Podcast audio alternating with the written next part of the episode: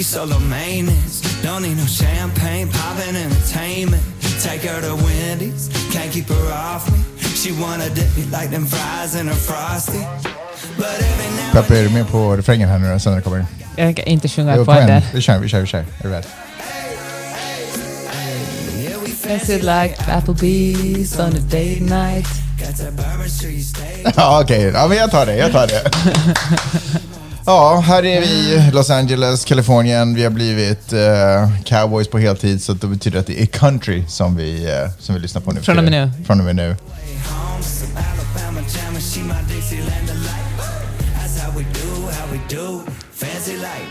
Apropå musik, så det går ju bra för svenskar nu på, åtminstone på Spotifys topplista. Mhm. Eh, Adele, Max Martin och hans kollega.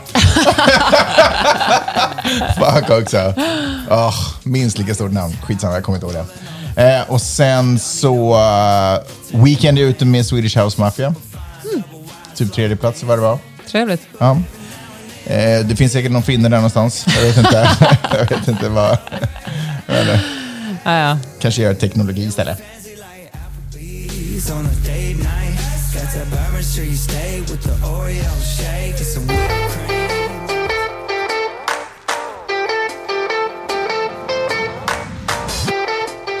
Lyssnar på Magnus och Peppes podcast.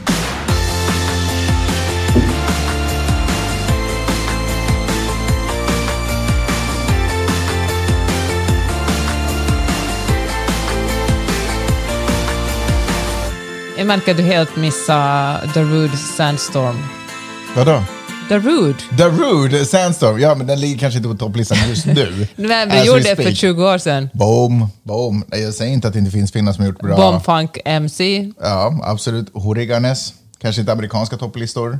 McCoy har ju ändå varit... Det finns Eh, folk som var stora i Finland. mhm, mhm, mhm. Ja, ja, ja. Finsk musik som är stort i Finland. Mhm, mhm. Japp. Hjärtligt välkommen till podcasten som heter Magnus och Peppers podcast. En liten podcast där vi pratar om musik eh, och vilka skaparna bakom musik är. Och så gör vi det ur ett journalistiskt, feministiskt och mediegranskande perspektiv. Peppe, hur har veckan varit? Berätta. Nej, men, Berätta eh, allt för mig. Slå dig ner, luta dig bakåt. Berätta lite. Det är så roligt att få post från uh, Maj-Lis skola, eller mail, alltså elektronisk post som man säger nu för tiden. Ja, just det. Ja. Nej, men det var först, Man borde kalla det för e-post istället så blir det liksom kortare. Igår kom det ett mail som uh, varnar för att det ska regna idag. Och så kom det med tips hur man kan klä sitt barn när Mm. Just det det. regnar. Och det är ju otroligt exotiskt för en människa som är uppvuxen i Finland eller Sverige att uh, man ska få råd om att... Mm. Vad tipsar de om då? Layers. Ah, Okej, olika lager. Ja, just Ja. det. Ja. Och sen var Lager är bra för blir det varmt så kan man ta av Ja. sig, är det kallt kan man sätta på sig. Och den här tiden på året är det ju faktiskt så att det är iskallt på morgnarna. Får jag bara säga, klassisk överlevnadsstrategi. Så jag gillar att skolan går rakt in i överlevnadsmode när det Mm. ska börja regna. Det är jordbävningsövning, Mhm. school shooter-övning, regnövning och eh, det är väl ungefär det. Och, men också så övar man på matematik och läsning och sådana saker. Ja. Och eh, idag, det här är inget skämt om, det tycker jag är jättebra. Det är ju halloween i slutet av veckan och på fredagen ska barnen klä upp sig i eh, sina halloween-kostymer. Mm. Och då kom det en påminnelse idag om att eh, eh, a culture is not a costume. A culture is not a costume. Okej. Och så kom det en jättelång checklista med hur man kan kolla att man inte av misstag har klätt ut sitt barn till något rasistiskt. Fantastiskt alltså. Wow. Ja, ja. Wow. Men vet du vad, alltså det här är ju, alltså vi skrattar nu men det är ju viktigt. För jag kommer ihåg... Mm. Är det här för att de har fått eh, klagomål från eh, The Mermaid Federation? Eller? Var det ett rasistiskt skämt? Jag vet inte, förlåt. Var det det? Jag, är för woke för att förstå Förlåt mig själv. mermaids. Nej, men, men, så- men vet du vad, alltså, vi skrattar ju nu, men, men jag talar med en kompis varannan eh, vecka så har jag ett möte med en god vän i Finland och så Mm. pratar vi om aktuella händelser utan att spela in det. Jag vet att det låter sjukt. Då är det Men- som att det inte räknas. Du kan ju Men- lika väl sluta. Och då talar vi om att det i, eh, på Helsingfors universitet just nu snackas om att de har haft så här gulisintagning för uh, Är förstaårsstuderande. gulis också lite rasistiskt där känner jag? Eller? Du får tolka det som du vill. Okej. Men, eh, och, Borde då heta hade, nollning istället eller någonting? och då hade temat varit uh, Afrikas stjärna, Mm. som är ett, eh, ett spel från 19, tidigt 1950-tal i Finland. Verkligen en klassiker. Jag kan säga att Afrikas stjärna finns i de flesta hem med barn, och kanske till och med utan barn. Där ska man försöka hitta Afrikas stjärna, ett eh, kla- klassiskt tärningsspel. Och eh, själva förpackningen är, när man tittar med moderna ögon på det, inte så jättemodern. Alltså det ser ut som ett Tintin-omslag. Ja, det är verkligen det. Och då hade tema varit för den här nollningen, eller gullisintalningen som vi säger i Finland, varit att man skulle klä ut sig enligt det här spelet. Och eh, då hade en eh, svart utbytesstudent varit sådär att hold your horses, det här är kolonialism. Alltså, ni förstår inte den kolonialistiska, rasistiska historien, kan ni sluta med det här? Och uh, där blir vi uppståndelse. Jag tycker det är väl, inget, det är väl helt okej. Okay. kan man, den här fakulteten hade bett om ursäkt och uh, folk hade givetvis blivit jätteupprörda för att ingen vill ju... Det värsta man kan... Det som uppenbarligen är värre än att uh, bli utsatt för rasist för rasism är att bli kallad rasist. Så folk hade såklart blivit... Varit, Va, jag är ju absolut ingen rasist. Men tvärtom upplevde jag det här bara som en någorlunda kanske välvillighet ett för starkt ord, men att man i den här utbytescentern i alla fall lyfte, lyfte upp en fråga som är ganska viktig. Hur vi, sånt som, ja men det är bra i Finland att tala om det här. Samtalen skadar ju inte. Men då sa min kompis så här, att kommer du inte ihåg för 20 år sedan, då ordnades det på olika universitet någonting som hette Afrikafester. Jaha. Och då kan jag- Ni drog till Afrika. Det hade man ju hoppats på. Ja. Och jag vill verkligen for the record Ni tog säga Afrika till er. att jag inte gått ja, på en sån här fest. Jag, men han Mm. Berätta lite om de här Afrikafesterna. Men alltså då klädde folk ut sig i blackface till exempel. Mm. Och i bambukjolar och liksom... Alltså det, alltså det är så... Jag känner verkligen en sån eh, skam, en sekundär studerat. skam. Att jag, att jag, att överhuvudtaget gick på universitetet. Liksom. Och, eh, och då berättade min kompis att han hade gått på de här festerna och då liksom var det sådär, ja, mm, så, ja det är fest. Men så hade någon verkligen klätt ut sig i en Ku Klux Klan-huva på den här festen. Och då Det har väl ingenting med Afrika att göra? Det finns väl inga Ku Klux Nej, men det var någon som hade lekt associationsleken. Liksom. Ja, just det. Och, eh, och och kom med en sån här sydstatsgeneral också kanske. Ja. Var Custer där också då? Antagligen. Och då hade min kompis gått fram tydligen och sagt att det här, var, det här är verkligen inte okej, det här är osmakligt. Så det fanns ju någon slags moralisk kompass på den tiden. Det var bara inte att alla Mm. Det gick visste vid var den låg. Klan-utrustning, eller utstyrseln. Nej, men då, då, Kan vi också säga att det är universitetsstuderande. Alltså Jag det ska ju vet. ändå vara crème de la crème när det kommer till intellektuell... vad sa eh, du? Crème de la crêpe?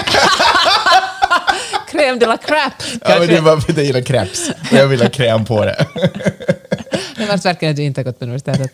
Nej, men jag menar, det ska ju ändå vara liksom eh, piken på intellektuell... eh, Ja. Men...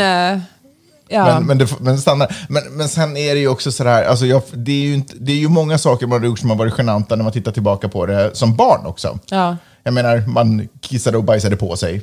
In- Det är man ju inte superstolt över nu heller. Men man får väl också acceptera att, och på samma sätt så har ju mänskligheten också, utvecklas ju också mänskligheten, man lär sig mer. Jag menar, en gång i tiden så brände vi folk på bål och vi... Tyckte tro- det var helt naturligt. och vi, tyckte att, vi tänkte att jorden var platt, fast jag ändå har fått förstått att det var en minoritet. För de andra brydde sig inte om vilken form jorden hade.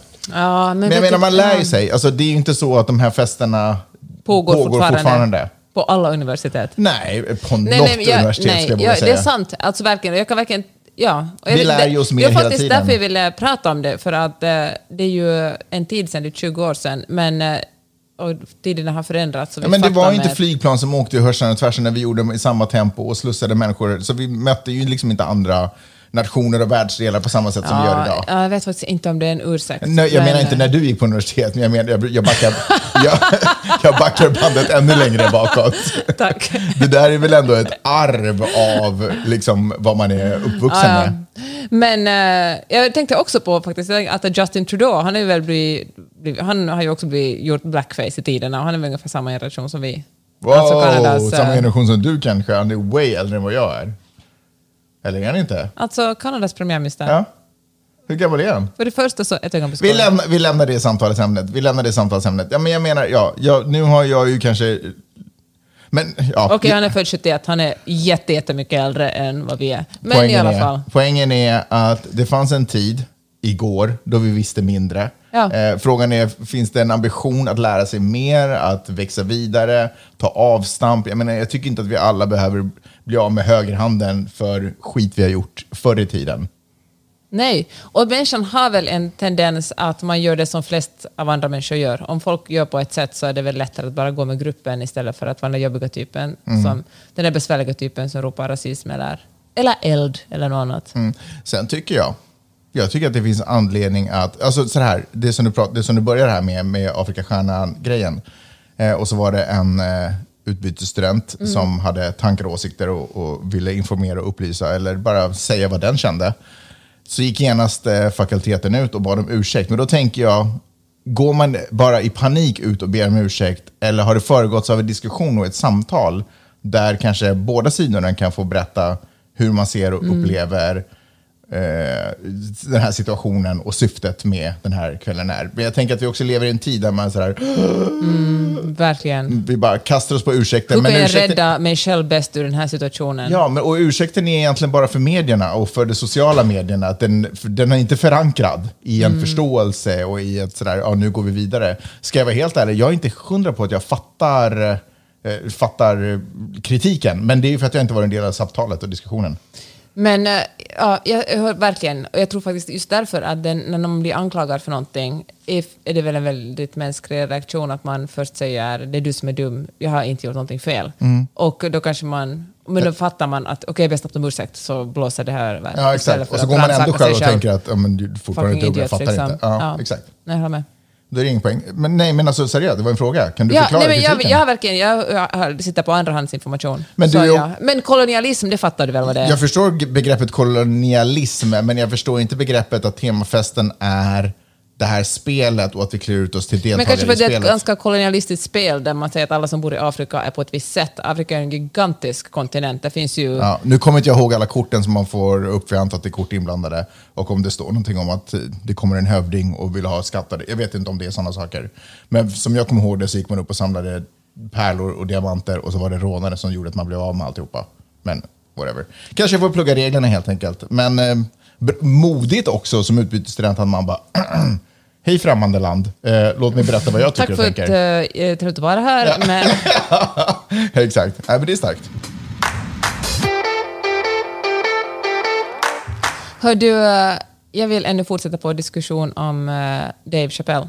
Som vi talade om förra okej. vändan. Och eh, jag vill... eh, nej, men det var en sak som jag missade att säga. Jag tyckte vi hade en, en, Mm. en någorlunda bra diskussion om det. Men eh, vi talade mycket om hur... Uh, Vänta, vadå någorlunda? jag försökte vara ödmjuk här. Jag antar att kritiken du har är möjligen riktad åt mitt håll. Det är inte så att du är missnöjd med dina egna, vad du framförde. Obehagligt att du framför mig som en sån person. Nej, men så här tänker jag. Att det som vi glömde nämna är att, eller som, nej vet du vad, det som Dave Chappelle glömde nämna i sin show. Mm. Ja. Jag ska skicka ett memo till honom. Nej, men är att eh, de som utsätts för värst våld är svarta transpersoner. Alltså själva diskussionen handlar ju om att hur Dave Chappelle i sin show gör humor på basen av att eh, att eh, svarta människor blir uh, längst nere i någon slags konstig rangordning och eh, där vita alltid kan liksom, och även om man är gay och vit eller transperson och vit så får man mycket större förståelse. Folk bryr sig mer om dem än om svarta människor som blir mördade. Och eh, då tänkte jag tala om det att det som han missar i det här är att de som är allra värst utsatta är ju svarta transpersoner. Ja, fast det var ju inte poängen. Vi kan lyssna tillbaka på det förra avsnittet, vi kan också titta på standup showen, för det var ju inte alls den poängen han försökte göra.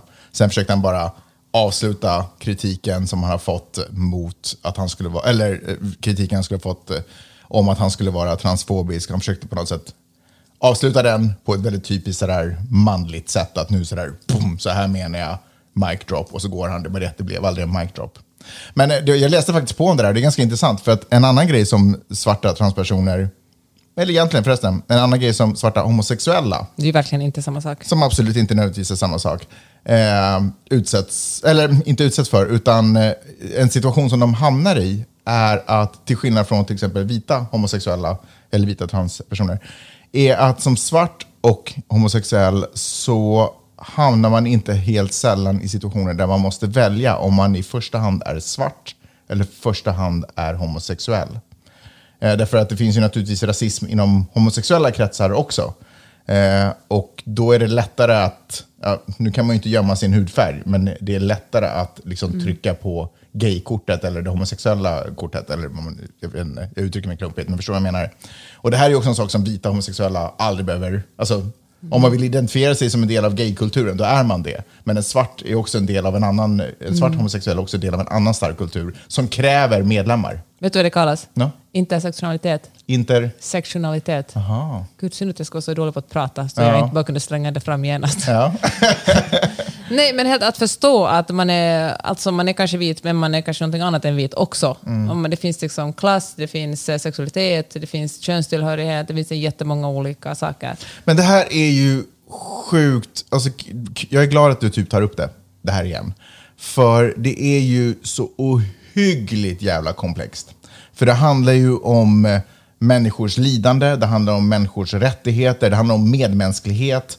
Eh, och, och förstås problematiken med att ställa saker och ting mot varandra och sådär. Men jag kan verkligen, jag kan verkligen förstå den frustrationen som finns i delar av det svarta communityt. Att driva en civil rights-kamp här i USA. Nu snackar jag inte om vad som händer i Europa och i Sverige och sådär. Utan jag pratar om det som händer här, för det är också väldigt kopplat till svart amerikansk historia. Så jag kan verkligen förstå en frustration där man går från slaveri, man hamnar i Jim Crow, man lever igenom 60-talet där människor fortfarande lynchas, där barn ser sina föräldrar bli bespottade på gatan, som skapar förutsättningar för gängkriminalitet här i USA. Crips och Bloods är direkt eh, relater- liksom en direkt eh, fortsättning av vad de här unga barnen som växte upp på 60-talet såg sina föräldrar gå igenom och tänkte att vi tänker inte ta den där skiten, det är en helt annan grej. Eh, som jag tänker, det är ett helt annat liv som jag tänker ha och börja ta den makten istället. Och jag kan, he- jag kan liksom förstå den resan som man generation på generation på generation går. För det är inte så, alltså en, en homosexuell man eller en transperson idag som är vit föds inte med samma arv. Det är inte 0-0 i de här minoriteterna. Därför att en svart person som har, som har en historia i USA är också född med ett arv av eh, förlorad föräldraskap, av, av våld, av eh, eh, kriminalitet, av fattigdom. Det är, liksom, det är hundra år tillbaka. Som, det, det, det, är nästan, det är som att det skulle hamnat i DNA. -et. Jag menar inte att man är tvingad att följa, men jag menar att man föds med det arvet. Och det gör inte nödvändigtvis en vit transperson, därför att den kan ha kommit från en, en vit medelklassfamilj eller vilken, vilken som helst, men den har inte en historia, den har inte en hundraårig historia av förtryck, våld och eh, liksom Fast un, undanskuffning. Men, för- men det jag skulle säga, men det, min poäng var som jag skulle komma till var i alla fall, så jag kan förstå en frustration när man står i the civil rights movement, man kommer igenom det och man ser att allting inte allt, fortfarande är bra. Sen helt plötsligt poppar den här, kan man ju tycka, eh, den här rörelsen upp. Men, den här, men jag förstår att den inte poppar upp. Jag förstår Det är att för trans- den har varit förtryckt, så otroligt förtryckt, och liksom med våld. Fast ja, fast också jag trodde att nej. det inte har funnits transpersoner förrän för tio år sedan. Liksom. Nej, men det är 100% sant. Det är 100% sant att det har gjort. Men eftersom det har varit unthinkable of så har den ju inte, jag menar säga att människorna inte har existerat. Men den kulturen har ju inte funnits. Den, den gruppen som grupp betraktad har ju inte funnits därför att de har inte kunnat komma fram. Därför att de har blivit... Men på vilket sätt är det en, en, en Nej, men så här, bra som- sak för dem? Nej, liksom? men det är inte en bra att sak. inte hitta någon som sig själv? Nej, jag försöker bara, jag säger, det jag började med att säga så här, jag kan 100% förstå frustrationen. Därför att som vit transperson så kan du gömma dig. Som svart kan du aldrig gömma dig. Ursäkta mig, what the fuck, alltså. Det är väl inget bra argument att du kan Nej, men jag- gömma dig? Alltså, du, kan få, alltså du, får, du har privilegiet att gömma dig som vit transperson. Det är ju fruktansvärt. Ja, fast om man tittar vad... Eh, jag förstår att man inte lever ett Och fullvärdigt... återigen Jag- så finns det ju verkligen väldigt många andra än vita transpersoner. Det är ju ingenting som är Ja, fast kan vi också tala om, kan vi också bara säga att det inte finns så många transpersoner heller på jorden. Alltså det är inte så många. Det är inte majoritet. Det är inte liksom en normaliserad grupp i samhället. Så borde vi inte tvärtom i så fall, vi som Jo, inte är trans, lyfta dem och 100%. liksom visa dem vårt stöd? Absolut, men det jag började med att säga är att jag kan förstå frustrationen där man helt plötsligt som svart person ser att, att den här minoriteten plötsligt får en massa skyldigheter och massa rättigheter medans det inte har hänt så här. Ursäkta, tvärtom är de på... Medan- Flera delstater håller på att stifta lagar just nu som ska göra det svårare för transpersoner att leva i USA. Jo, det är vi- ju verkligen en rörelse som rör sig baklänges. Jo, fast vi pratar ju om, liksom, eh, kanske då är det nog i USA, kanske mer en liberal och mer väst, eh, vänsterriktad. Men det får ju väldigt mycket uppmärksamhet i, i medier och för de här frågorna lyfts fram. Det var ju också det som man försökte illustrera med den här liknelsen. Jag menar, jag kan förstå frustrationen, därför att det inte hänt så otroligt mycket för svarta ändå. Det var inte hemskt länge sedan som svarta också hängde från träd. Fast jag tycker att problemet här är att du gör som problem som Dave Chappelle, är att du på något sätt sätter de här två säger- inte vad- minoriteterna emot varandra. Varför? Alltså det är ju det som är själva grunden Fast i jag att han... sa... varför, varför, jag vänta, sa, nu avbryter du mig helt. Nu får jag nej, men- aldrig tala till punkt. Nej, men för du, du får jättegärna prata till punkt, men kan du åtminstone kommentera det som jag sa? Mm. Och Du det var jag det- sa. förlåt, för- nej, okej, okej, vad sa nej. Jag sa, jag kan 100% förstå frustrationen i delar av det svarta communityt som tycker sådär. Som jag precis beskrev. nu talar vi bara om Dave Chappelle. Han är väl ingen representant för alla svarta i USA? Nej, jag pratar om den svarta community. delen av communities. Jag, alltså jag ändå, efter att jag hade det här samtalet så satte jag mig ner och började, började läsa artiklar och, och allt som jag kunde komma över där som handlar om homofobi i det svarta communityt. Så du tänker så här, att lösningen är enligt det svarta communityt eller Dave Chappelle, att om man helt enkelt, om vi förtrycker transpersoner lite mer, så då kommer svarta automatiskt få mer rättigheter. Du känner inte att ett, större, ett mer öppet samhälle öppnar upp för alla? Nej, men därför att det funkar ju inte riktigt så, därför att det här är ju äpplen och päron. Det ena är en, Exakt. en sexualitet eller en läggning och det andra är en hudfärg. Så du kan liksom ändå inte riktigt bolla. Jag menar, Fast svart- de överlappar ju varandra, måste du förstå också. Jo, men ja, fast den, vi kan inte prata om den minoriteten, därför att det är fem personer. typ. Nej, vi kan inte prata vad, om bara det. i år har dött 40 personer har blivit mördade av de man vet som är trans, svarta transpersoner. Mm, jag förstår. Och, du vet, och det är ju Ja, en, eftersom det är så stor skam i det här så finns det en jät, jättestor mörkertal. Ja. Och det är jättemånga människor. Det är det, Va- vare sig du vill det eller inte. Jag vill absolut inte förminska heller de svarta i USA. Mitt problem snarare i det här är att om man, om man det som Dave Chappelle gör, fan vad jag säger det många gånger nu, men sätta två, två utsatta grupper mot varandra. Nej, för han sätter, han är en, för det första är han en del av den där egna, egna gruppen. Han har den historien. Han har det arvet av föräldrar som inte har kommit någonstans och av mor och farföräldrar som kanske har splittrats och sålt till höger och vänster som fucking slavar eller vad fan som helst. Han har ju det arvet. Han har rätt att säga vad han tycker och hur han tycker att andra minoriteter behandlas i förhållande till hans egen ras. Det har du faktiskt rätt. Han har rätt att säga precis vad som Ja. helst. Han, det finns ingen censur, han är inte cancelled, han kan stå på scener och säga vad som helst han vill. Och därför är det jättebra. Och det, var att ingen har, ingen, och det tycker jag alltid är osmakligt att han skämtar om att is, this, is, is this how it feels being cancelled, it feels really great, som han ju sa nu på Hollywood Bowl när han, när han har fortsatt ha sin show. Men ingen har ju någonsin krävt att han har blivit cancelled. När de här transpersonerna som jobbar på Netflix gick ut och demonstrerade så gjorde de det bara för att de ville säga att eh, de vill föra en dialog med honom och de tycker att det är rent av livsfarligt för transpersoner, det som han säger på scenen. Och de önskar att Netflix skulle ta det här på större allvar. Och tipset till exempel om dokumentärer som finns på Netflix och önskar att net, som handlar om transpersoner, hur det lever som transperson, kunde lyfta upp dem och göra det här jämsides med en person som då sammanlagt har fått 60 miljoner dollar för att prata skit om transpersoner. Nu försöker inte jag sätta ord i, i Dave Chappelles... Varför pratar vi ens om det? Det här var redan förra veckans program. Nej men vet du varför det har gått vidare det här? Mm. För det finns många missuppfattningar där folk är sådär att oh, nej, transpersoner vill att, de, att Netflix ska ta ner den här, för ingen har någonsin krävt att Netflix ska ta ner den här Dave Chappelle-showen, ingen har någonsin försökt cancella honom. Och nu har han ju gått med på att tala med de här transpersonerna, så det, Ja, har, men det har ju lett till han har väl aldrig bra. varit emot att tala med transpersoner? Det, Nej, men han kan säkert lära sig någonting. Och jag tänker att gör han det så då kommer kanske hans Mm. nästa show att se annorlunda ut. Och det kommer det kanske inte att vara, för deras argument på Netflix alltså, Mm. de talar ju heller inte för alla transpersoner. De har sagt så här, att det vi gör just nu, vi som jobbar på alltså det som Netflix visar, de visar den showen, så är det farligt för transpersoner. Vi skulle visa en annan verklighet.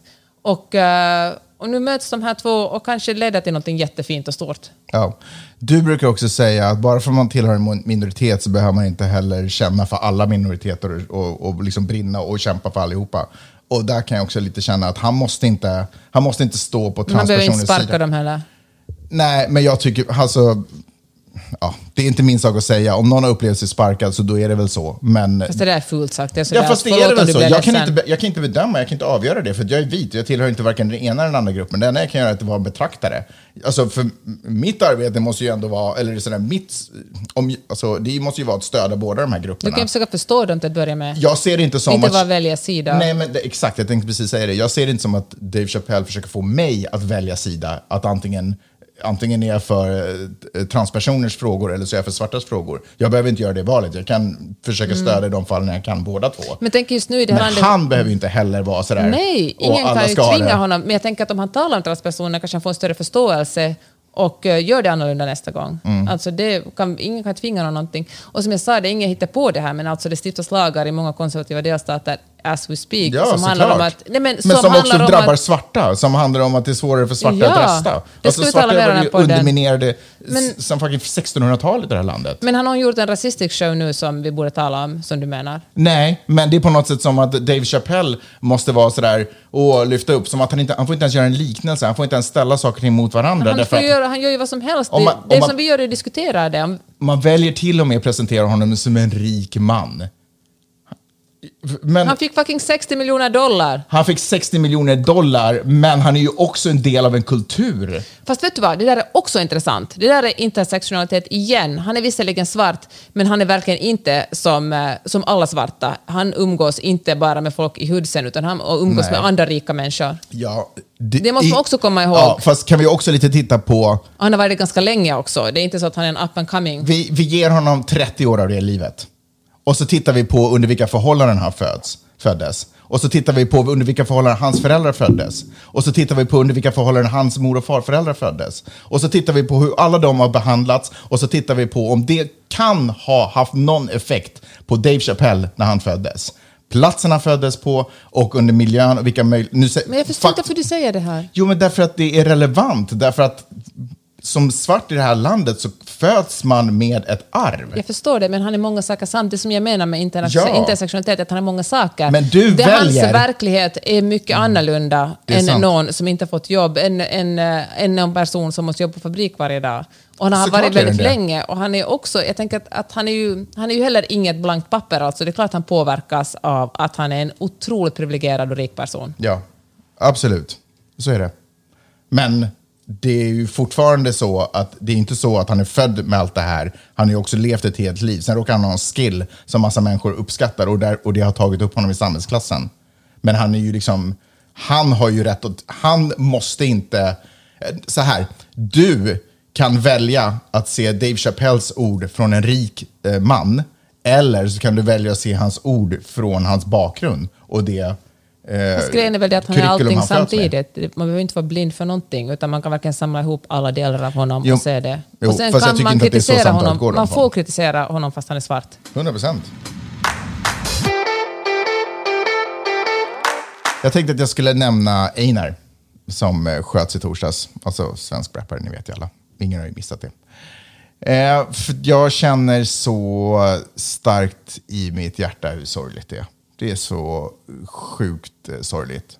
Och jag tycker också att det är ett sånt jävla misslyckande. Jag tycker förstås att det är misslyckande från eh, liksom, samhället.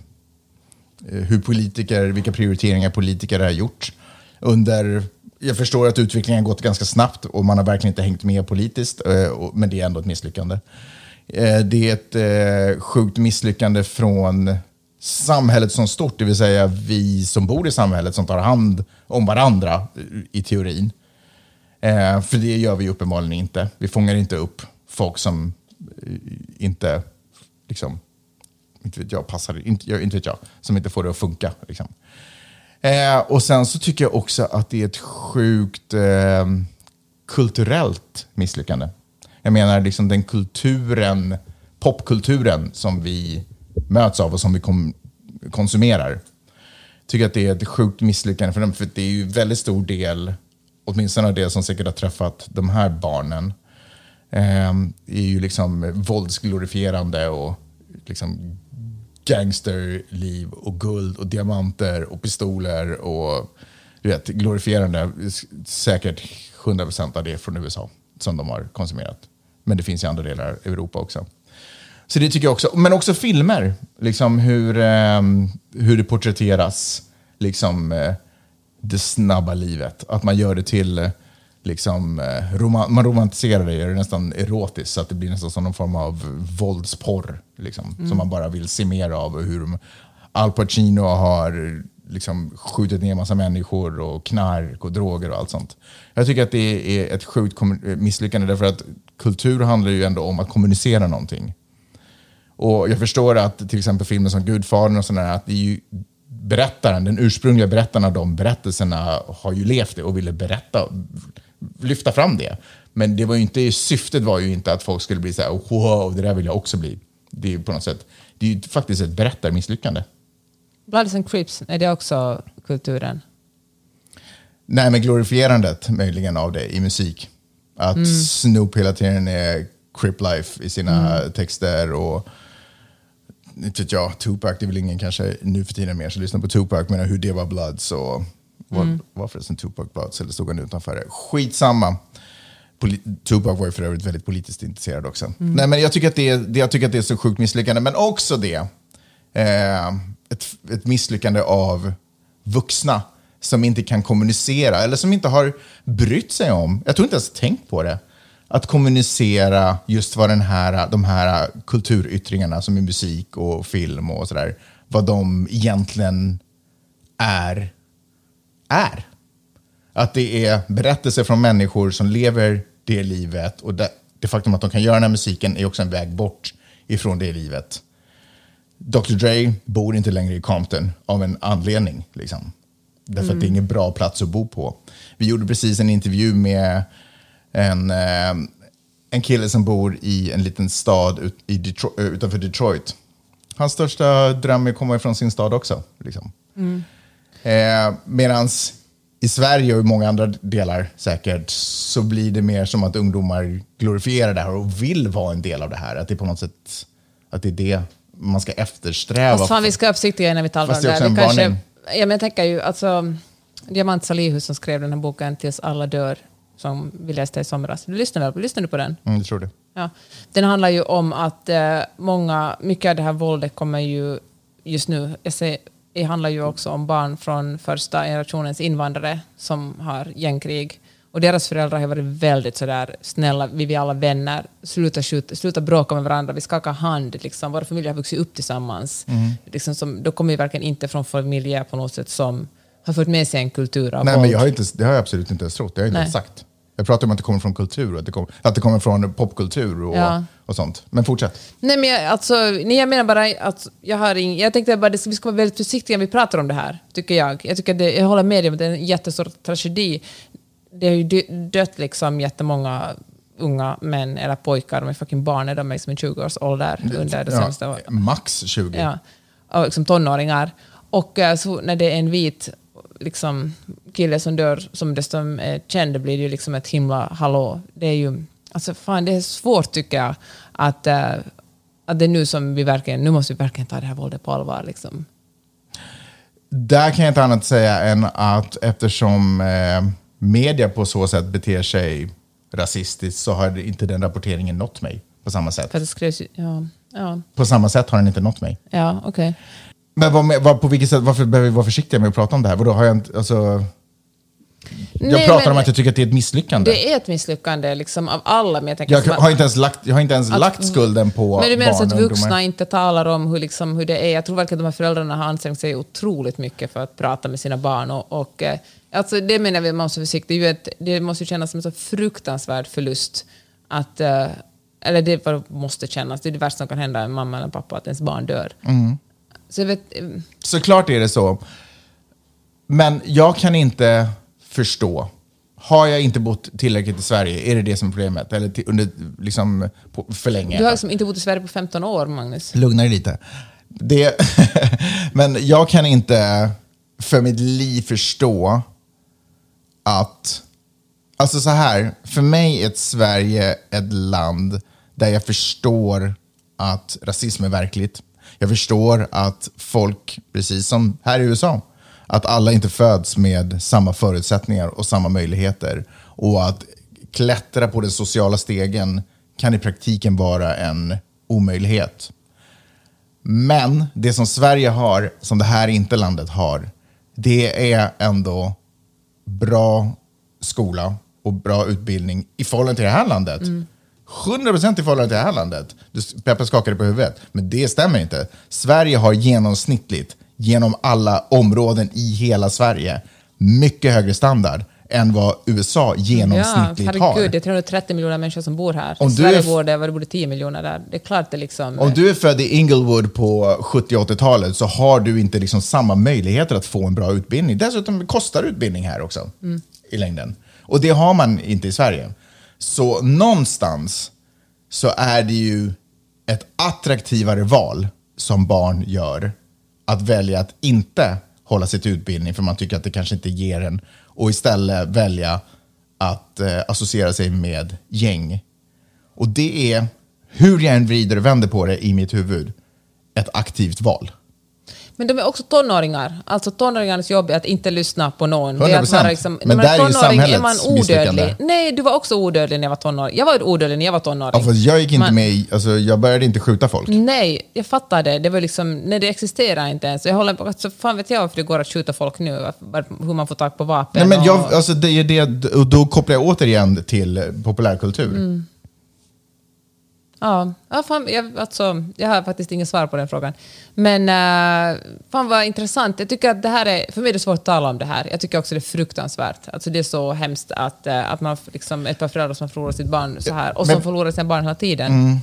Men jag tycker att det är så mycket, att man låtsas så mycket och att sådär, och man får inte säga de här sakerna för man får inte såra den här människan. Och det betyder att ingen talar, nu säger jag inte att jag, jag är den som gör det, men ingen talar klarspråk. Det här som att till exempel kultur inte skulle påverka, det hörde jag redan som barn. Jag kommer ihåg att jag till och med argumenterade emot det som fucking barn. Vadå kultur? Att, sådär, nej men att det du ser på tv inte påverkar dig, att det du lyssnar på, att det inte skulle påverka dig. Klart som fan att det påverkar Jag dig. läste just en text faktiskt 100%. med, eh, som jag ska skriva om för, på vad vi vet, som handlar om hur eh, efter att man börjar kolla på jättemycket krimserier Mm. och eh, det finns inte bevis på det ännu, men jag antar att det, ehm, true crime också hänger ihop med det här, är, har folk blivit mer paranoida eftersom man ser mycket... Nej, men det är väl 100% klart att det påverkar Ja. oss. Det är väl ingen snack om saken. Och det faktum att det springer runt tonåringar på, eh, på YouTube och sådana saker och viftar med, med cash, med diamanter och med pistoler och med mask och har röda eller blåa flaggor i sidan. Det är klart som fan att det påverkar oss. 100% att det påverkar oss. För om inte annat så sätter det ju en bild av, okej, dit men inte längre. Och någon kommer vara tvungen att gå dit. Liksom. Och nu är vi ju där. Och vi har ju varit där ett ganska bra tag i och för sig. Så nej, men jag tycker att det är bara, jag, vill, jag vet inte, jag hade ingen poäng med det, men jag tycker att bara det är liksom ett så otroligt misslyckande med det. Nästan lite som med Dave Chappelle, att det är så komplext att det inte bara är en persons misslyckande. Det är klart att inte skulden ligger på barn eh, barnen. Det är klart att skulden inte ligger på föräldrar. Och det är klart att enskild skuld inte heller ligger på politiker. Men någonstans är vi alla skyldiga till att det här händer. Men vet du hur USA och Sverige faktiskt liknar varandra? Okej? inkomstklyftor. Alltså, det som jag tänker på varje år, skillnaden mellan Helsingfors och Stockholm, är att Stockholm är så jävla rika. Alltså, rör man sig på Östermalm är det liksom, det är Teslan och det är stora våningar och det är ansiktslyft och det är, nej men det är cash och det är liksom hus och villor och båtar och folk har jävligt mycket pengar. Och Sverige har ju alltid varit rikare än Finland. Alltså, ni har ju duckat alla krig liksom, de senaste 600-700 åren.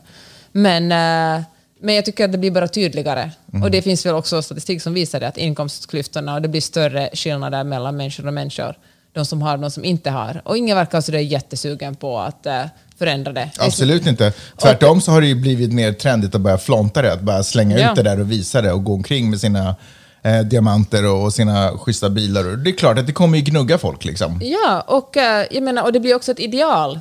Alltså jag menar, det blir någonting, det är liksom inte full, jag menar så här, gud, jag har ju inte heller bott i Finland på snart tio år, men så här, och men för, ni kanske säger, ni får som lyssnar på det här får, får rätta mig om jag har fel, men jag upplever så här, när man, man normaliserar det som är normalt i USA, att man, är, man bara, jag har det, och så tror man att man har gjort det själv, man vägrar att förstå att man har allt för att man är rika föräldrar och liksom för att man är vit och uppvuxen på rätt ställe. Man tror att man har förtjänar sin egen rikedom, fast det är väldigt många Mm. Och de som är fattiga, så. de förtjänar Ja. sin situation. För Precis, de har inte de är gjort lite tillräckligt. dummare. Precis, de, de har har- inte haft de här de, de rätta idéerna och Ja, de handlingskraften. har inte jobbat tillräckligt Nej. hårt, de är lata och så vidare. Exakt. Och jag tänker att det kanske, ingen skulle erkänna det här i Sverige, men det kanske finns ändå Kanske lite den uppfattningen. 100%. Speciellt om man är rik känner man att jag förtjänar att vara rik. Och det är soft och det är soft att visa, det är skönt att man äntligen kan visa det och liksom att man har. Och sociala medier har ju också gjort det mycket lättare att visa. Det, att man får många likes om man gör någonting som andra också vill göra.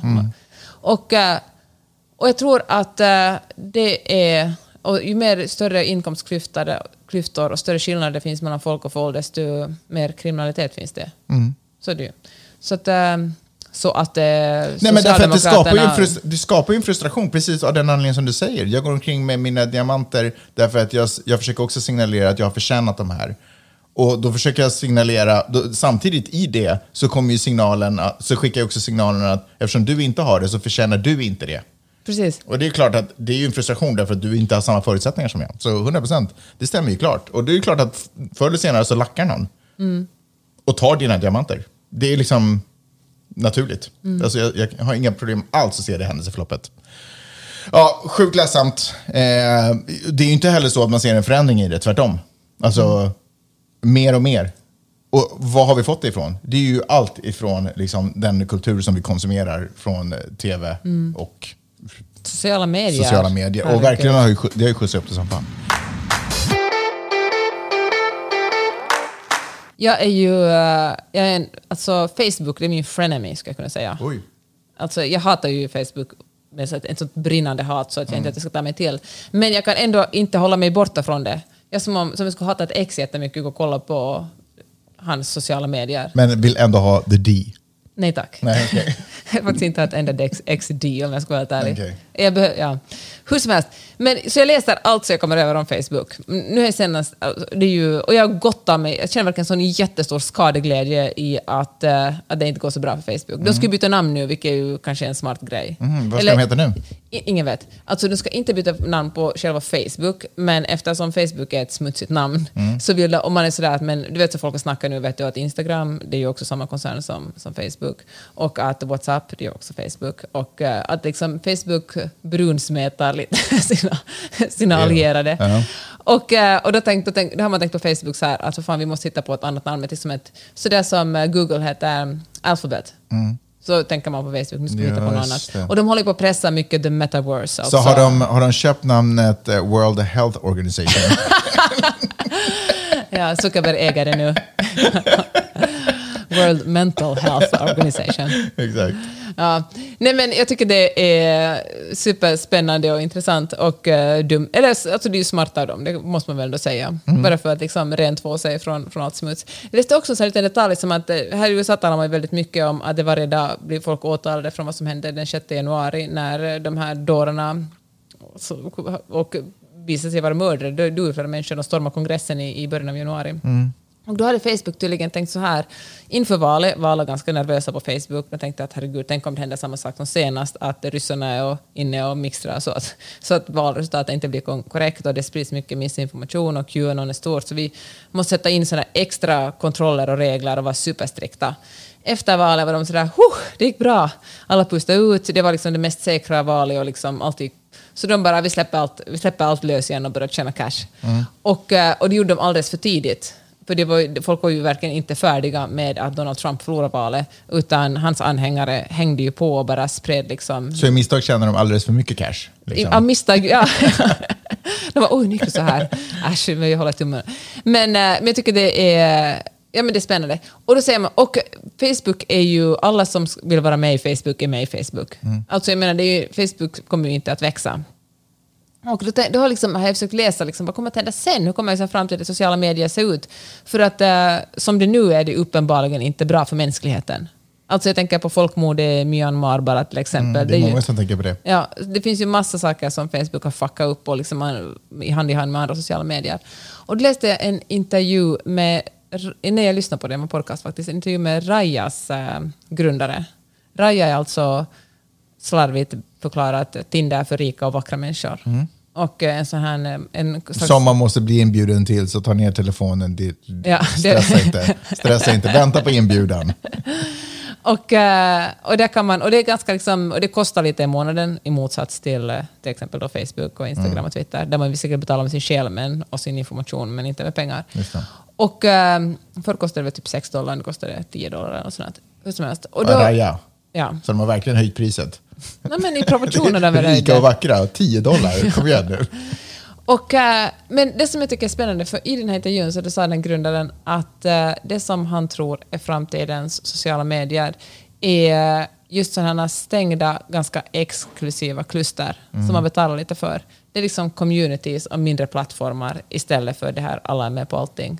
Jag tycker det var så intressant och spännande och eh, jag är all in för det. Jag tror absolut att alla är med på allting fortfarande kommer finnas. För torg finns också på jorden. Eh, men verkligen klubbar du inte kommer in på. Eh, liksom folk som står i kö och väntar på att få bli medlemmar i den här... Eh, men du vet, Soho House, allt det, alla sådana saker. Att det liksom flyttas över till nätet och det blir exklusiva klubbar där istället. Ja. Där man kan hänga med likasinnade. Frågan är om det hjälper polariseringen om alla som tycker samma hamnar på, i små kluster. Och frågan om vi kommer tappa kontrollen över vad, all information som egentligen finns där ute. Fast det finns ju... Det kanske Vi ska vara- behöver ju torg därför att vi behöver också se galningar som står där. Sant, men jag tänker att de här grej, det här ska inte handla om... Jag tror ett misstag som, som eh, Facebook och Twitter och allt annat gör, eller misstag och misstag, men som de utvecklades till är att det just börjar sprida sig en massa nyheter. Jag tycker att man ska se sociala medier som häng, där man hänger med sina kompisar och eventuellt blivande kompisar. Man ska inte se dem som ställen där man får till sig information. Vi ger nyhetsfixandet tillbaka till de som kan det Ja. och som gör det bra. Och så ägnar vi oss åt det sociala på sociala Precis. medier. Det är väl ändå en någorlunda bra lösning. Fantastiskt Peppe. Då vill man ju nästan tipsa om ett sånt kluster.